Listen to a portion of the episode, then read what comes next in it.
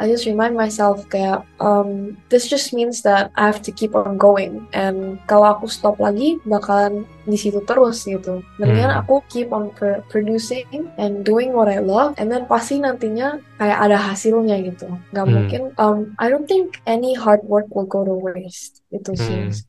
Halo teman-teman, gak terasa udah Jumat lagi.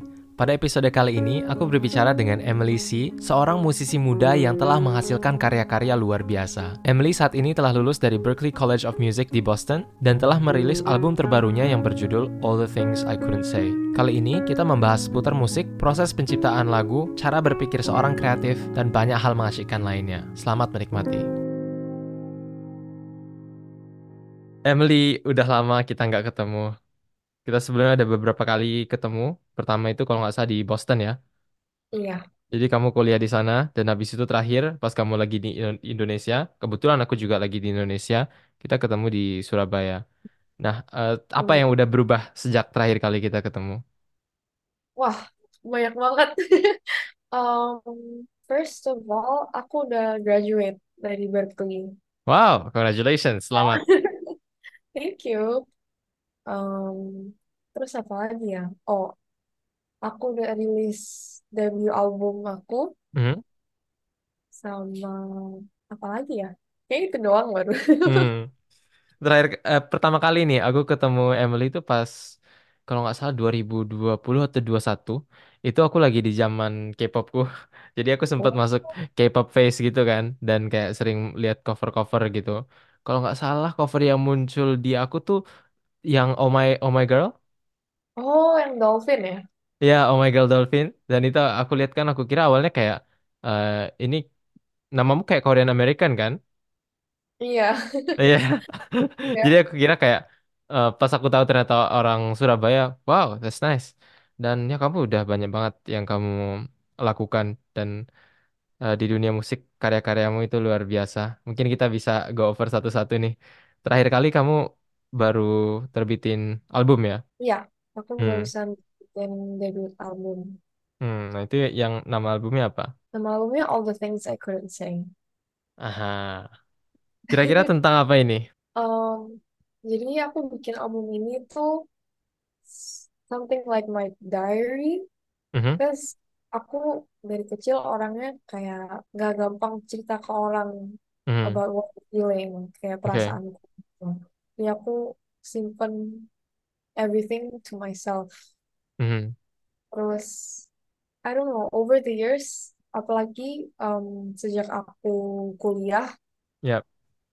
aku banyak experience things yang bikin aku kayak lebih more expressive with my feelings and Mhm, aku realize kalau sebenarnya nggak apa-apa gitu kalau cerita ke orang kalau rely on other people itu nggak apa-apa gitu mhm. jadi Jadi aku mau mhm, ceritain itu in my album Oke. Berarti apakah pas kamu pertama kali masuk ke dunia musik itu juga karena kamu mencari bentuk untuk mengekspresikan dirimu atau gimana tuh bisa awalnya kayak mulai perjalanan musikmu?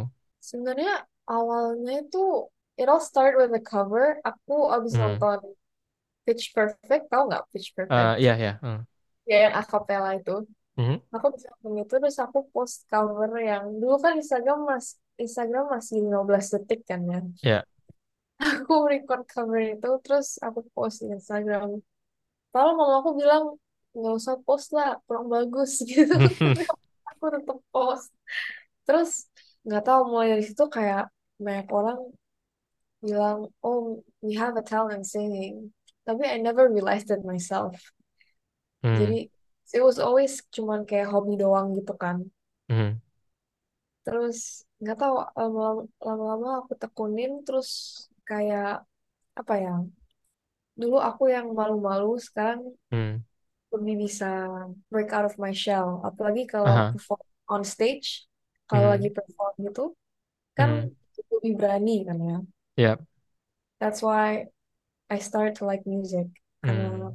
lebih mengekspresikan diriku Hmm. gitu. Kapan kamu mulai buat transisi dari Instagram ke upload-uploadin cover lagu di YouTube? Um, sekitar 2015 Hmm. Dan apakah langsung kayak ada itu suatu video yang viral atau apa gitu atau kayak perlahan-lahan terbangun? sebenarnya pertama nggak ada yang lihat sih ya. Oh Pertama yang ya? lihat paling cuma kayak 100 mentok gitu. Mhm. Terus ada satu video yang viral itu yang I Don't Know My Name by Grace Vanderwaal. Mhm. Itu aku main ukulele di situ. Terus Hmm. kayaknya itu lagi booming lagunya. Jadi Hmm. akhirnya I think people noticed me dari video itu. Oke. Dan akhirnya kamu terus upload dan kamu sendiri ngerasa ada perubahan nggak dirimu yang bermusik sebelumnya mungkin for fun gitu, terus sekarang terbangun audience di internet. Iya, hmm, dulu kan I just did for fun. Mhm. Tapi kayak lama-lama ada I realized kayak ada komunitas ya kalau di YouTube itu. Hmm. Kayak banyak orang yang dari pertama dari 2015 sampai sekarang tuh masih um, suka komenin di YouTube aku. Hmm.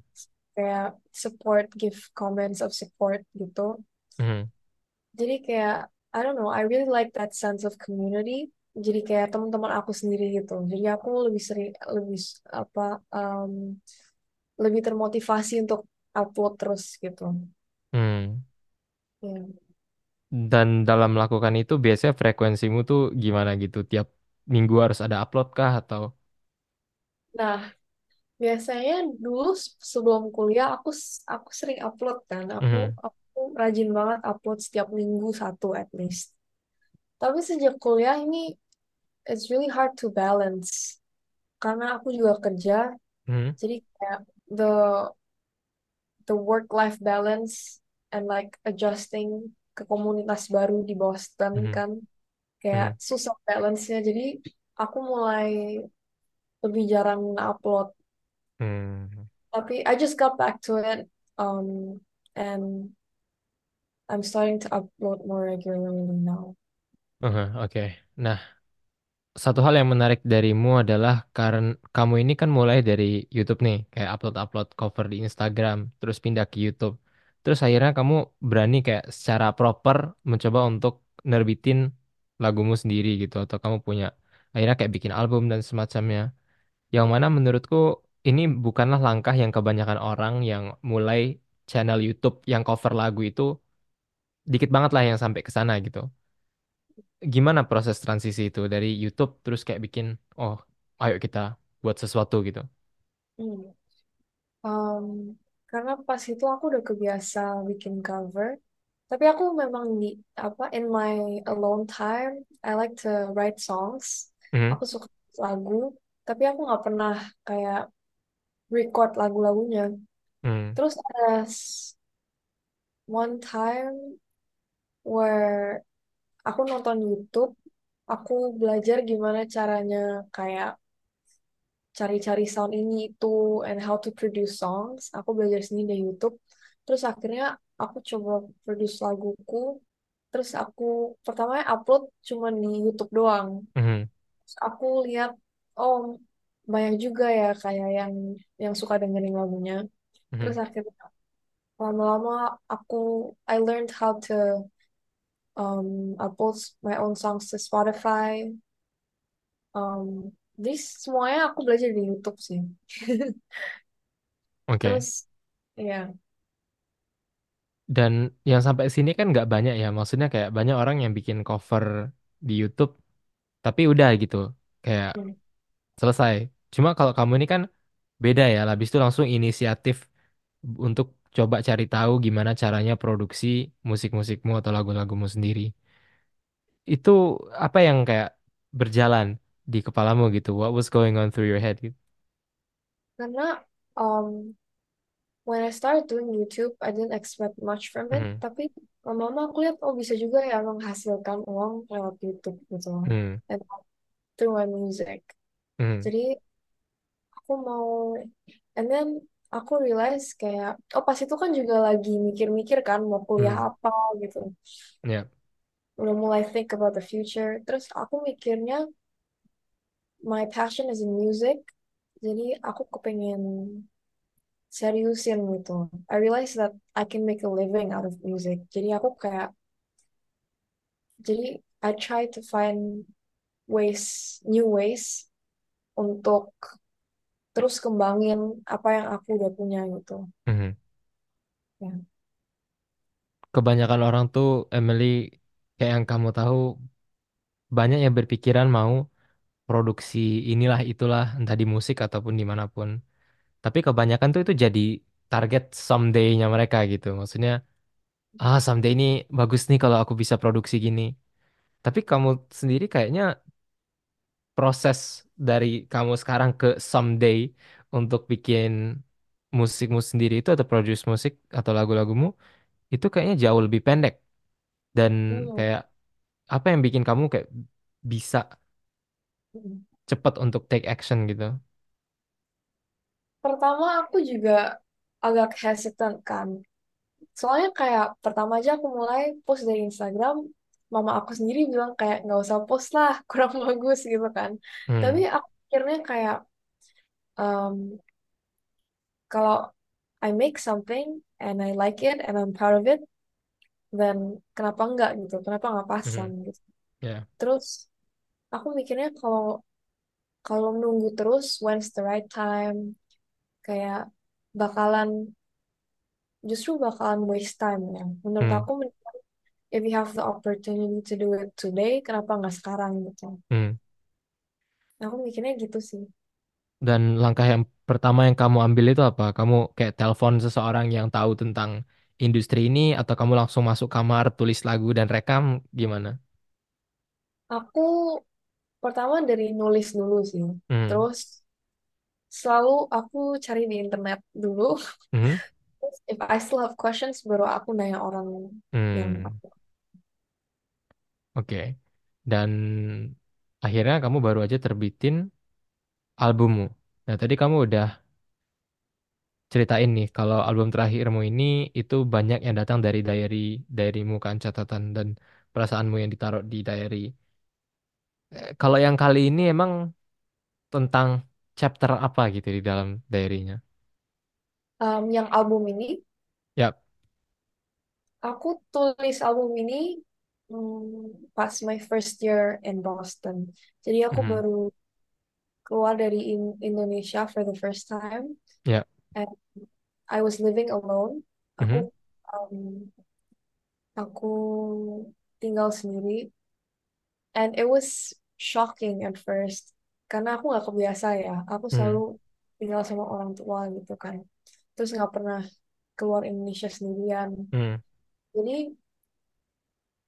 it's basically about me adulting ya kayak um, transisi dari mungkin kayak dari high school mhm, ke college student and I started experiencing more more stuff about life. Terus aku belajar banyak hal. I met new people. Aku ketemu banyak orang. Terus, um, yeah, I just learned stuff through people. mhm. Apa yang ngebedain albummu sama apa yang kamu lakukan sebelumnya? Um, bedanya album aku sama cover-cover aku. Ya, oke. Kita bisa lihat dari situ dulu. Apa yang nge- ngebedain proses kreatif atau kayak kalau aku nih Oh, kan, aku kayak misalnya ya aku nulis newsletter setiap minggu gitu. Tapi rasanya kalau nulis buku itu beda gitu loh. Sama-sama nulis sebenarnya dan mungkin isinya sama, tapi kayak buku tuh ada spesialnya gitu. Kalau kamu sendiri album sama cover-covermu yang ada di YouTube kan sama-sama bernyanyi kan. Tapi apa yang bikin mereka tuh beda kalau ada? Sebenarnya it's about gimana ya cara jelasinnya? um, it's about self expression ya. Kalau cover Hmm, kan kita lagunya orang. ya. lagunya orang mau aku nyanyiin gimana caranya tetap Hmm, lagu orang gitu hmm, though I try to kayak make it mine aku ganti, ganti arrangementnya ganti instrumentalnya segala Hmm. macam tapi tetap lagunya orang kan Ya. tapi kalau lagu-lagu aku sendiri itu menurut aku cara untuk aku kayak mengeluarkan my emotions and my feelings Hmm. itu sih Oke. Dan dengan I think melakukan ini sorry gimana? I think it's more fulfilling ya aku nggak tahu bahasa Aha. Indonesia ya fulfilling itu Aku juga gak tahu fulfilling. iya. It's it feels more fulfilling aja as a um as a musician. Hmm. Lebih fulfilling, lebih personal dan dengan melakukan ini kamu juga udah bisa kayak menarik audiens yang gak hanya dari Indonesia tapi internasional. iya. Paling banyak biasanya pendengarmu dari negara-negara kayak apa? um Southeast Asian sih. Ah, kayak kayak hmm, Philippines, hmm, Singapore Indonesia um Thailand mhm. sama Vietnam Wow. Itu gimana lagu-lagumu bisa ke surface ke negara-negara mereka awalnya? kayaknya pertamanya mulai dari cover aku dulu Hmm, yang itu Um, dan itu yang mana? itu aku lupa tapi kayaknya Blackpink ya Di Instagram kah atau bukan ya di YouTube ah, di YouTube? Oke. dari situ kan orang-orang dari beberapa negara kayak tahu aku gitu kan terus mungkin lang- um, lama-lama mereka lihat Spotify aku terus ada satu lagu namanya Call Me Mhm. itu pas itu kayaknya ada satu orang yang bikin TikTok pakai itu terus TikToknya sempat viral Wow. terus oh, iya terus itu itu orang Vietnam Hmm. terus dari situ laguku jadi masuk playlist-playlist Vietnam gitu di Hmm. Spotify um, Hot Hits Vietnam Wow. 50 yang Viral 50 Vietnam gitu Hmm. iya Wow. Dan dalam kamu berinteraksi dengan fans internasional ini, pendengar internasional ini, ini apakah ada kayak bedanya gitu dari segi entah kepercayaan diri atau apa? Kan ini kan kayak mungkin selama kita tumbuh kembang kan lingkungannya Indonesia terus, terus akhirnya disurface ke lingkungan internasional. Kalau dari kamu sendiri, apakah ada perbedaannya gitu? um, I think it's just more exciting ya to talk to new Hmm. people from new cultures Ya. kayak ada satu pendengar aku yang dari Philippines Mhm. akhirnya aku bisa dia ajak aku bikin YouTube bareng dia dia punya YouTube channel juga Mhm. jadi akhirnya aku dapat um, more insights about the country and like aku sempat ngomong ke dia kayak Mhm. mana mu- music industry-nya di sana jadi lebih banyak pengetahuan gitu um, tentang the music industry in other countries juga Mhm. Dan kamu juga nggak hanya punya kayak pendengar di Spotify, tapi kamu selama kuliah di Berkeley juga kamu aktif banget kan dalam performance-performance dan itu bekerja dengan komunitas internasional juga. iya Apa menurutmu yang ngebedain kayak pengalamanmu bekerja dengan komunitas di Indonesia dan komunitas internasional? Kira-kira untuk sebagai take away kita dibawa ke Indonesia nih, kalau kita mau kembangin lagi industri musiknya kah, itu apa menurutmu yang bisa kita bawa? Um, kalau aku lihat ya Mhm, um, dibandingkan I grew up I grew up in Surabaya. Mhm, so growing up in Surabaya as a musician itu lumayan susah ya karena mhm, mm, nggak menurutku kurang banyak um, enthusiasm for musiknya I mhm, think di sana kayak aku mau cari studio agak susah ya kayak cuman mhm, dua yang bagus di mhm, sana. Terus aku mau cari sekolah musik yang bagus juga susah akhir ak- terus pas aku mau apply ke Berkeley aku juga susah cari infonya gitu. Mhm, jadi akhirnya aku harus ke Jakarta mhm, untuk cari info tentang gimana cara apply to Berkeley gimana cara auditionnya gimana cara interviewnya gitu kan aku harus um, fly back and forth um, from Surabaya to Jakarta. Jadi menurut aku karena banyak eh karena kurang I don't know ya kurang recognition-nya gitu for music. Jadi Mhm. fasilitasnya juga kurang and then the quality of the music education juga menurut aku it's getting better, it's getting much better. Cuman Mhm. kayak kurang kurang difokusin. Mungkin fokusnya lebih ke yang lainnya kan. Tapi kalau yang di sini, they, um, what I realized is that they really appreciate music gitu. Mhm. I think one of the biggest differences, um, kalau orang-orang di Surabaya, kalau misalnya mungkin dulu aku ditanyain gitu, nanti mau kuliah apa? Aku mau kuliah musik gitu. Mhm. Kadang-kadang um, mereka kayak skeptical gitu ya. Mhm.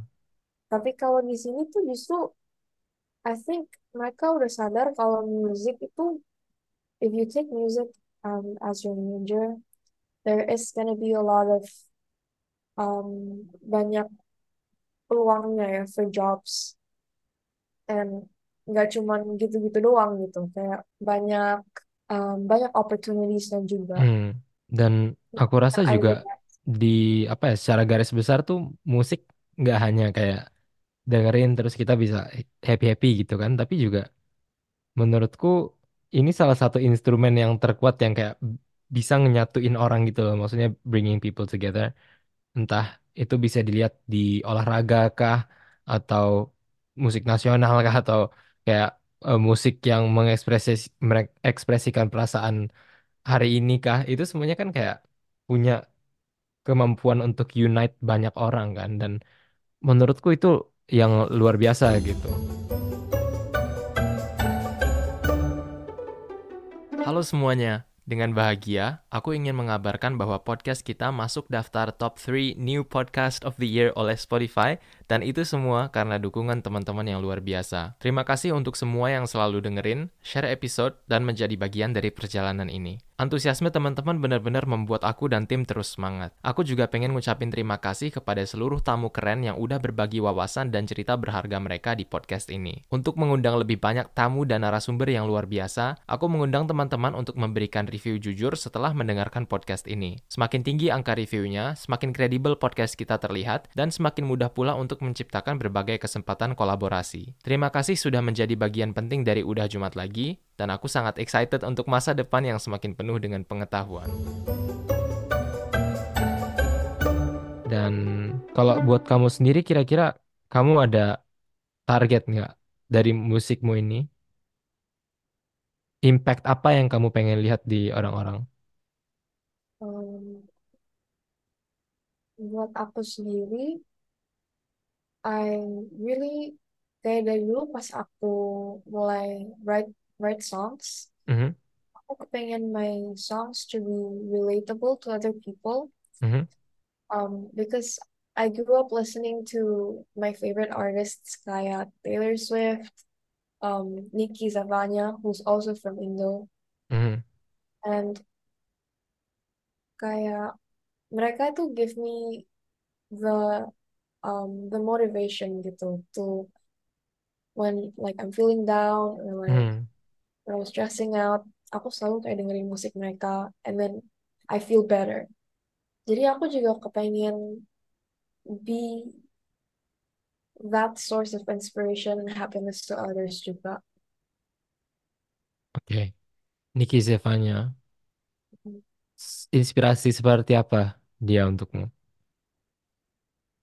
She's my number one inspiration sih. Oh ya? Soalnya, iya, soalnya menurut aku she's one of the artists yang kayak apa ya, yang break through the international market Mhm, and she kind of like paved the way for other young Indonesian musicians, mhm, um, like me, for example. mhm.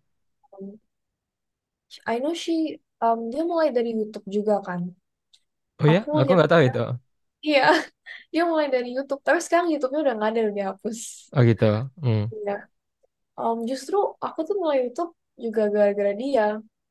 Aku Oh, transisi wow. dari Instagram ke YouTube itu gara-gara aku lihat ka- dia bikin cover juga.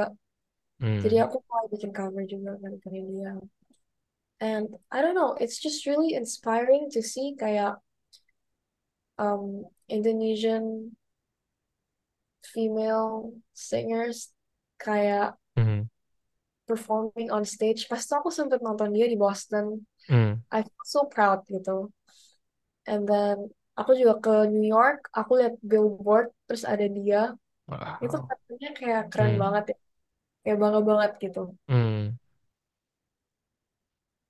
Wow. Dan ini makanya aku kayak ya sangat apresiatif terhadap orang yang mau menempatkan dirinya di lingkungan terbuka gitu, put themselves in the open, Eh, mengetahui bahwa ada kemungkinan besar bahwa privasi misalnya jadi kurang atau jadi Hmm. ini dan itu, mereka tetap ngambil risk buat naruh diri mereka di depan umum karena kayak yang kamu tadi bilang, impact-nya tuh ke orang lain tuh bisa bener-bener luar biasa ada kayak ripple effect-nya kan dari mereka upload video atau publish musik atau lagu. Dan kayaknya saat ini itu juga yang kamu lakukan ke banyak orang Emily. Dan ya kayaknya kamu kan juga di saat ini udah bertransisi nih. Mulai transisi dari yang awalnya ngebuat lagu-lagumu untuk mungkin hobi kesenangan passion dan semacamnya. Ya dan sekarang kamu udah mulai transisi ke menjadikan ini sebagai salah satu caramu untuk menghasilkan pendapatan kah? Atau kamu udah melihat ini lebih sebagai bisnis? Pertama, mungkin apakah ini benar bahwa kamu sedang ada di transisi itu? Dan yang kedua, biasanya kan ada pendapat nih, kalau misalnya sesuatu yang tadinya jadi hobi, hobi terus dijadiin sumber pendapatan itu eh, orang jadi beda relationship-nya jadi nggak suka lah atau apa. Kamu sendiri apakah ngerasakan hal-hal kayak gitu? Um, sebenarnya I experienced this during the first year of college Mhm, karena aku juga ambil musik kan as my major. Terus hmm, aku sebelum Berkeley itu nggak pernah nggak pernah belajar music theory gitu kan. mhm, Aku benar-benar buta tentang musical theory mhm, karena semuanya aku autodidak belajar sendiri. I just do everything by ear. Kayak I mhm, listen and I play gitu kan. Terus pas nyampe sini aku benar-benar shock. Terus aku sedikit stres juga karena I'm away from home. Aku sendiri nggak ada siapa-siapa. mhm, Terus stres kena pelajaran yang aku nggak ngerti apa-apa. mhm, Terus on top of that, my YouTube um, pas itu sempat kayak mulai nurun gitu kan. The mhm. more exposure I get, the more I pay attention to kayak viewersnya, analyticsnya gitu. Ah, I see, Nah, oke. terus pas itu, pas that year, itu bener-bener aku mumet sendiri jadinya. Aku aku kayak mulai stressin hal yang gak-gak. Mhm, And I lupa the reason why I started music gitu. Padahal I started this for fun gitu. Tapi mhm, kenapa sekarang nggak ada fun-funnya sama sekali? Mau mhm. jadi stres gitu kan. Pas itu aku sempat stres sendiri sih. Cuman abis itu aku mulai I started to realize um, karena I met some people in Berkeley yang ins inspire me gitu. My friends yang inspire me to get back on track. mhm. Ya aku tulis album itu. And from that aku mulai try to change my mindset lagi and try to get back the passion I had for music. Dan prosesnya sejauh ini menurutmu apakah sudah mulai membaik? Yeah, so the um, it's much much better now. Hmm, Um, nice to hear. I think now aku nggak terlalu pusingin kayak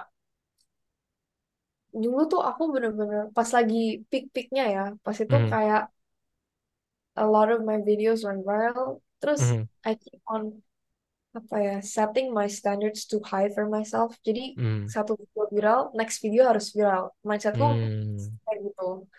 Tapi justru gara-gara mindset yang kayak gitu, aku jadi kayak ada sempet aku tuh benci gitu. Kayak mhm, aku lihat aku lihat piano udah udah hmm. stres sendiri. Wow. Jadi Dan, ya hmm, untungnya aku benerin mindset aku sih. And now I'm much better.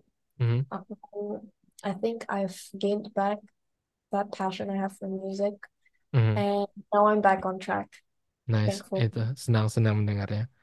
Dan emang ya, kayak yang kamu bilang, kayaknya kalau kita udah punya akses ke analytics tuh tiap kali mau li- ngebuka tuh pengen selalu lihat angkanya naik-naik terus gitu. Dan eh, aku juga sempet struggle dengan kayak detaching numbersnya itu kan. Kan di YouTube kan kamu tahu kan ada kayak ranking kalau misalnya dia berapa ranking berapa dari 10 video terakhir gitu.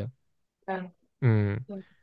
Jadi kalau kamu sendiri kayak sekarang apa yang terjadi di kepalamu ketika kamu buka analytics dan lihat misalnya katakan hypothetical situationnya adalah ngelihat salah satu uploadmu sekarang harapannya tuh ranking satu atau 2 dari 10 ternyata pas kamu buka itu 7 dari 10 kalau kamu lihat sekarang nih dengan pandanganmu yang baru yang udah berkembang apa yang bakal berubah Kalau dulu aku mikirnya kan kalau misalnya lama-lama rankingnya nurun nurun nurun gitu, aku jadi males kan. Udahlah hmm nggak usah gitu.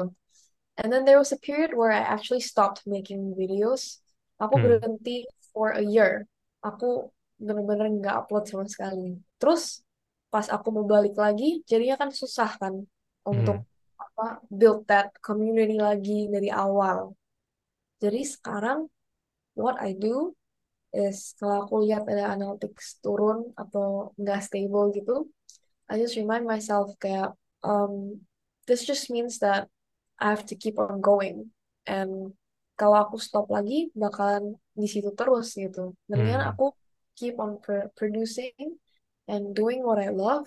And then pasti nantinya kayak ada hasilnya gitu. Gak hmm mungkin, um, I don't think any hard work will go to waste. Itu sih hmm aku. fair enough fair enough aku kalau dari aku ya sekarang nih kan ada YouTube Analytics juga kan dan Aku biasanya jadinya sekarang tuh sejak dulu jadi kayak kamu gitu kan sempet terlalu emosional pas ngeliat ini itu sekarang jadi kayak pak abis upload tuh aku nggak komit nggak mau ngeliat selama tujuh hari lah minimal. Habis itu baru kayak bisa objektif lihat lagi kan. Soalnya kalau langsung di upload terus dilihat tuh kayak Iya benar. hmm Kayak gregetan sendiri gitu ya. ya, ya, ya, ya. Jadi kayak refresh refresh refresh tapi nggak ada yang berubah kan. Iya, benar.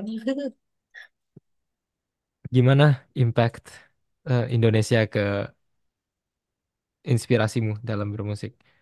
Maksudnya kamu kan besar di Indonesia kan ya? Iya.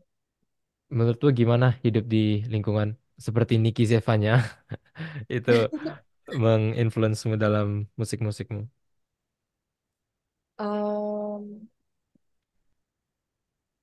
menurut aku um, Indonesian in, Indonesians are so talented. Kayak there there are so many talented musicians in Indonesia. Kayak even some of my friends, I Hmm, know they're very talented. Um, cuman mereka kayak nggak ada platformnya aja ya. Kayak hmm, I think they grew up struggling the same way as I did gitu. Kayak hmm, struggle cari fasilitas ini itu gitu. hmm, Tapi I don't know. I feel like Indonesians have I don't know if it's Indonesians or just um like Asians in general. I don't know. Tapi kayak I see the, their work ethic is very very good. Even here I can see kayak um I think one of the things I like aside from the work ethic juga itunya sih that that sense of community. hmm. Aku lihat um di sini kan ada Permias ya. Pernah dengar Ya, nggak Permias? Iya, Persatuan Mahasiswa Indonesia AS. iya. Itu Hmm, sih yang suka buat Indonesians kayak their sense of community is so good ya. Um, di sini juga ada Berkeley Indo namanya, hmm, and that's um, where I found a lot of my friends. hmm, Um, they're all the musicians. And a while ago I had a gig.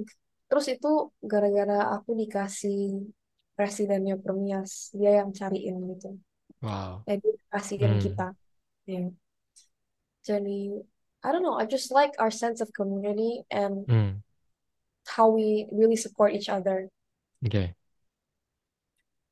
Untuk ke depannya nih, kalau misalnya kamu bisa lihat kota-kota di dunia, kira-kira kota kayak gimana atau tempat tinggal kayak gimana yang menurutmu tuh ini impian kamu sebagai musisi? Hmm, kota idaman ya. Iya. Oh, uh, for now, I think um, aku masih belum tahu ya my end goal Hmm. gimana. Hmm. Tapi for now, aku kepengen expand Hmm. um, my uh, my listeners from different countries. Yeah. Um, sekarang masih banyaknya masih di Southeast Asia ya. Hmm. Jadi aku mungkin mau expand di US. Mhm. I'm doing gigs right now here and there. I'm doing shows, Wow. and I don't know. Um, for like the long run, I don't know where I want to settle down yet. Mhm. Cuman, um, for now, I want to focus here, the US. Hmm. Terus nanti pasti pastinya aku balik ke Indo, and I want to do stuff there. Yeah, Wah, I go back to my roots. menarik, menarik.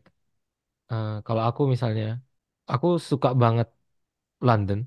Menurutku kayak cocok opportunitiesnya sama kayak apa yang pengen kulakukan ya dari segi kayak ah, di situ banyak entrepreneurship opportunities juga.